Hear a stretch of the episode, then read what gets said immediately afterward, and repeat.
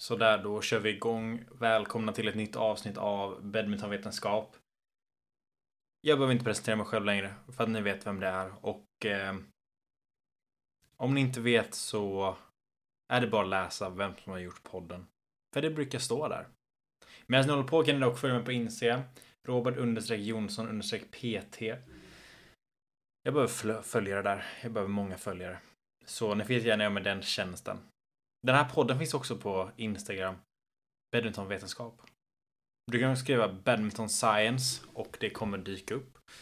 För den här podden finns på engelska också. Men det är samma Instagram. Så det är bra och förvirrande på samma gång. Hur som helst. Idag blir det väldigt kort avsnitt för att vara i fas med den här engelska versionen av den här podden. Där pratade jag förra veckan om lite vad jag, hur jag har ändrat min, mitt tankesätt kring det här nya poängsystemet som jag fortfarande är emot. Tro mig, jag är väldigt emot det fortfarande. Men jag ser att eh, det kan finnas en bra grej i det. Eh, så, så vi ska gå igenom det lite snabbt. Och det första man kan säga är ju då att alltså sen, de slu, sen de helt så hållet slopar den här grejen med att det är först inte 11 som gäller. Är det 10 lika så kör vi till 11. Det är bra att de har tagit bort det för det var riktigt dåligt. Men det jag fortfarande tycker att man ska göra är att man ska se över de andra alternativen först. Varför har tennis så mycket mer pengar än badminton?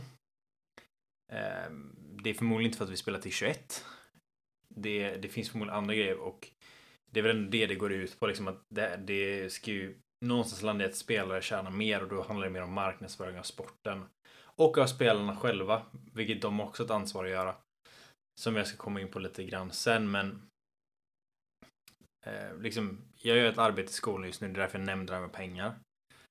Och där, eh, alltså man får välja lite hur man, hur man vill göra, men då ska man jämföra två olika sporter. Och jag valde att jämföra det här handlar om marknadsföring nu, alltså i, inom sport. Och jag valde att, att jämföra badminton och tennis för att det, det är rätt kul.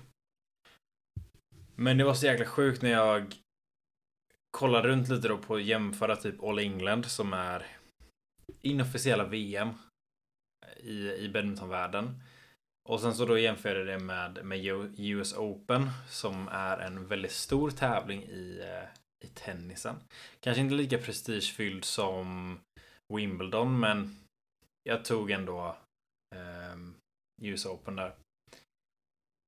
Och badminton har ju en miljon dollar i prispengar eh, spritt över alla kategorier så det är väl ungefär jämn fördelning då så 200 000 dollar per kategori. Det är lite mer dubbelkategorierna då för att de ska dela på, på prispengarna. Men, men det är så det ser ut. Och vinnaren i herrsingel och damsingel får 70 000 dollar i, eh, i All England. Motsvarandevis då får eh, den som kommer tvåa eh, 34 000 dollar. I typ i herrdubbel, damdubbel och mix tror jag det är typ 74 000 dollar eller någonting för att vinna. Men man får 80 000 dollar i US Open om man åker ur första ronden. Åker du första ronden så får du mer pengar än om du vinner All England. Och då ska jag också säga att det inte är liksom round eh, 64 utan det är liksom runda 128 då liksom. Så det är det är så extrema skillnader i i prispengar. Där kan man också kolla på vinnarna i det här gäller då både dam och herrsingel.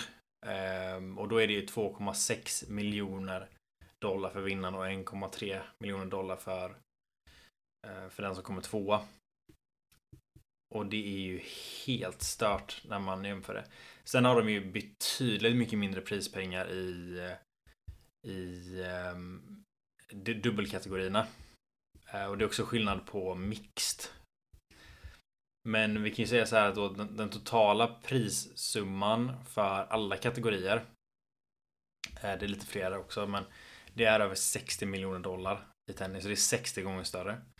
Vi ska också nämna att såklart det är liksom, de, de har ju kapacitet i arenorna då för typ, jag tror 72 000 som såg finalen och det är ju rätt stor skillnad. Uh, men om vi ska ta en jämförelse, det är um,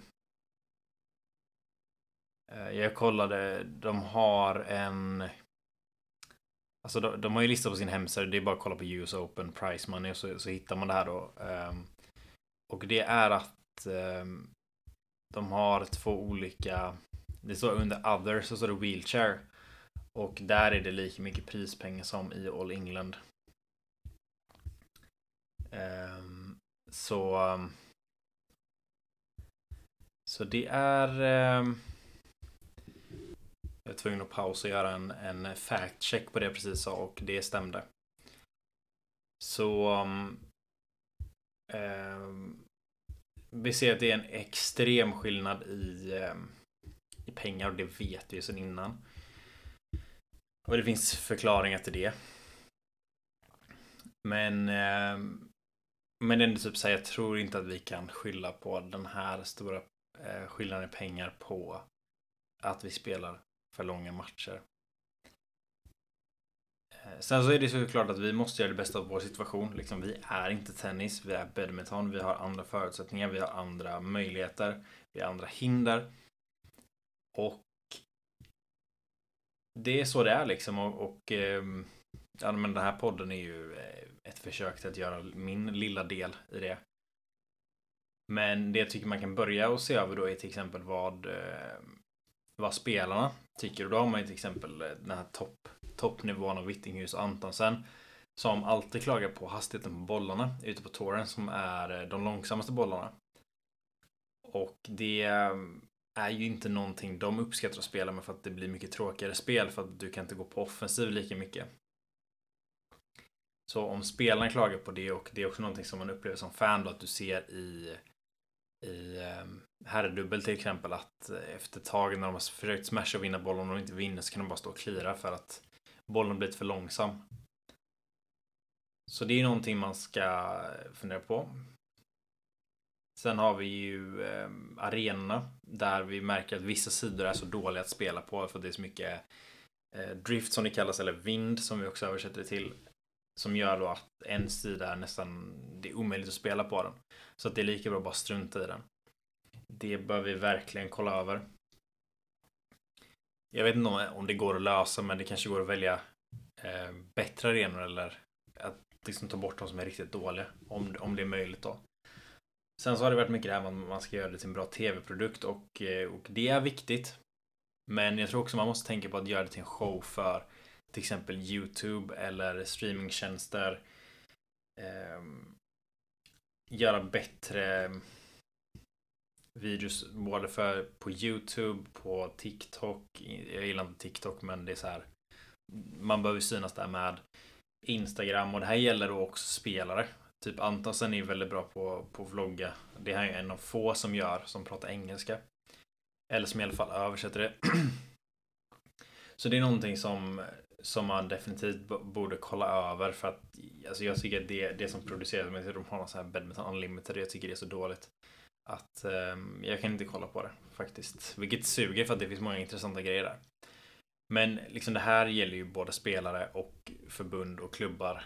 Liksom att vi alla får ta ett ansvar i det här. Men det är också lätt för mig att sitta och säga det. Um, men, um, men om man har möjligheten om man har tid till exempel. De flesta klubbarna nu har i alla fall startat upp ett Instagram-konto. Och det är bra. Det är jättebra. Har man inte det så om man vill liksom ta sig någonstans då om man är en elitförening eller strävar efter att vara en elitförening så får man nog kolla över det lite grann. Hur som helst, nu ska vi gå in på, på de här eh, de nya tankarna jag hade och eh, varför jag tror att det kan finnas ett visst värde i att ha för det kommer oundvikligen bli så att vi kommer spela till 5 set till 21. Eh, 5 set till 21 höll jag på att säga där. Uh, vi, det är ju rätt troligt att det kommer bli 5 set till 11. Um, ehm, på grund av att den här gången föll det på en röst och det var för att en person missade att rösta liksom. Så egentligen skulle det varit igång. Så det är ju bara tidsfråga innan det blir av och jag tror det är nästa år eller någonting då man kan rösta på det igen. Men Jag kan tycka att det, att det kan finnas värde i att spela de första två ronderna till 11. Där, eh, där man då försöker korta ner hela dagen i hallen. Så att man um, så att spela liksom inte dels så för spelarna skulle jag inte tvingas spela jättesent på kvällen. Det händer ju att matcherna börjar extremt sent. Ehm, så att inte spelarna behöver spela för sent och ehm, att de inte då liksom börjar spela tidigt dagen efter utan det finns en ehm, en liksom en, en bättre tidplanering där eh, i princip. Men, men också då för att om om man vill korta ner de här matcherna som där, om vi säger då att det kommer in en, en stjärnspelare som spelar mot någon som är betydligt sämre som inte har en chans. Vilket typ är alla mot Axelsen just nu. Eh, där man vet att Axelsen kommer vinna matchen. Då kanske det inte är värt att spela till 21 för att han kommer ändå vinna rätt lätt och då kan det finnas ett värde att korta ner den matchen. Men sen står jag, for, sen står jag fortfarande fast vid att liksom kollar du typ kolla lottningarna just nu i Denmark Open och French Open och kolla på hur de första ronderna ser ut där. Det är inte matcher du vill korta ner egentligen. Alltså herrsinger spe alltså speciellt. Första ronden Axelsen mot eh, Kunlavut. Liksom, det är en det är VM-finalen, det är pris, första ronden. Det är bra matcher hela vägen. Det är ingenting jag hade velat korta ner egentligen. Men jag förstår om man, om man gör det just för att det är så många matcher som ska spelas. Det kan jag respektera faktiskt. Det, jag, jag köper det och det kan finnas Eh, Eh, det kan till och med bli lättare också att, att, ehm, att hålla ihop det lite så att man kan eh, så att inte matcherna börjar för tidigt på morgonen så att vi ändå kan ehm, liksom göra det mer till en, till en nice eh, produkt på kvällen då så att folk vill kolla, komma och kolla i arenan. Och det kan bli lite så här, det kan bli lite kul att det är något nytt som händer också. Så det, det kan ändå finnas ett visst värde i det. Men eh, jag tycker fortfarande så att, alltså som vi ser nu med, med den nivån som finns så Alltså nu pratar vi dock om, det här är de största, det här är ju typ Om man säger Super 500 tävlingar, kanske 300 också till viss del. Men när vi pratar typ Super 5, 7, Super 750 och Super 1000, det finns ingen anledning att man vill korta ner matcherna där. De är hur bra som helst från start. Kan finnas ett visst värde i att korta ner det fram till kvartsfinalen kanske i, i andra tävlingar. Speciellt om det är en tävling där många spelare ska spela många matcher på rad just för att det blir för fysiskt krävande om du måste spela eh, säg tre, fyra kvalmatcher på en, på en fredag och sen så ska du spela första ronden tidigt på morgonen en, en lördag. Då hade det varit rätt gött om du kunde korta ner de matcherna. Men det är någonting jag tycker att man, man borde undersöka mer att man kanske inte alltid ska ha korta matcher utan det finns vissa lägen och det är bättre att ha korta matcher. Det finns vissa lägen och det är bättre att bara låta det vara som det är nu. Och verkligen köra på. Sen kan det ju absolut till viss del bli förvirring av att man spelar olika eh, liksom vilken rond är det som gäller ehm, och så. Men, men det kan man ju lösa. Det är inte jättesvårt så men men så det var i alla fall eh, för jag kan bara säga att det ser man också i tennis. Att där, där gör de ju så att de kortar ju ner eh, de första ronderna. Att de, tar, de spelar bäst av tre set istället för bäst av fem. Och det är ju då för att hålla ner tiden på matcherna där. För att då, annars hade det varit för långt. Det hade inte gått att genomföra. Men så det är i alla fall mina nya tankar om det nya poängsystemet. Hoppas att det varit intressant att lyssna på. Det här är då inte någon vetenskap direkt utan det här är bara jag som um, som pratar på och försöker vara logisk i hela den här situationen. Och förklara varför jag tycker som jag tycker. Men med det sagt, tack så mycket för att ni har lyssnat. Nästa avsnitt kommer handla om eh, att bygga uthållighet för badmintonspelare.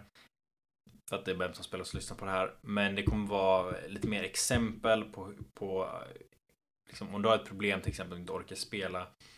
Du orkar spela ett set i väldigt högt tempo, men sen så blir det sämre och sämre. Du orkar inte. Hur kan du träna för att göra det jämfört med om du till exempel är jättebra på att spela korta bolldueller. Men så fort det blir en lång bollduell så, så tappar du fler i rad efteråt för att du orkar bara inte. Så jag kommer prata lite om det nästa kommande avsnitt. Men tack för idag. Ställ och lyssna. Jag vet inte, ska man säga de här grejerna typ som att ge ett bra betyg? Eller något, jag vet inte. Var schysst bara. Följ mig på Instagram dock. Ha det så bra så länge. Hej.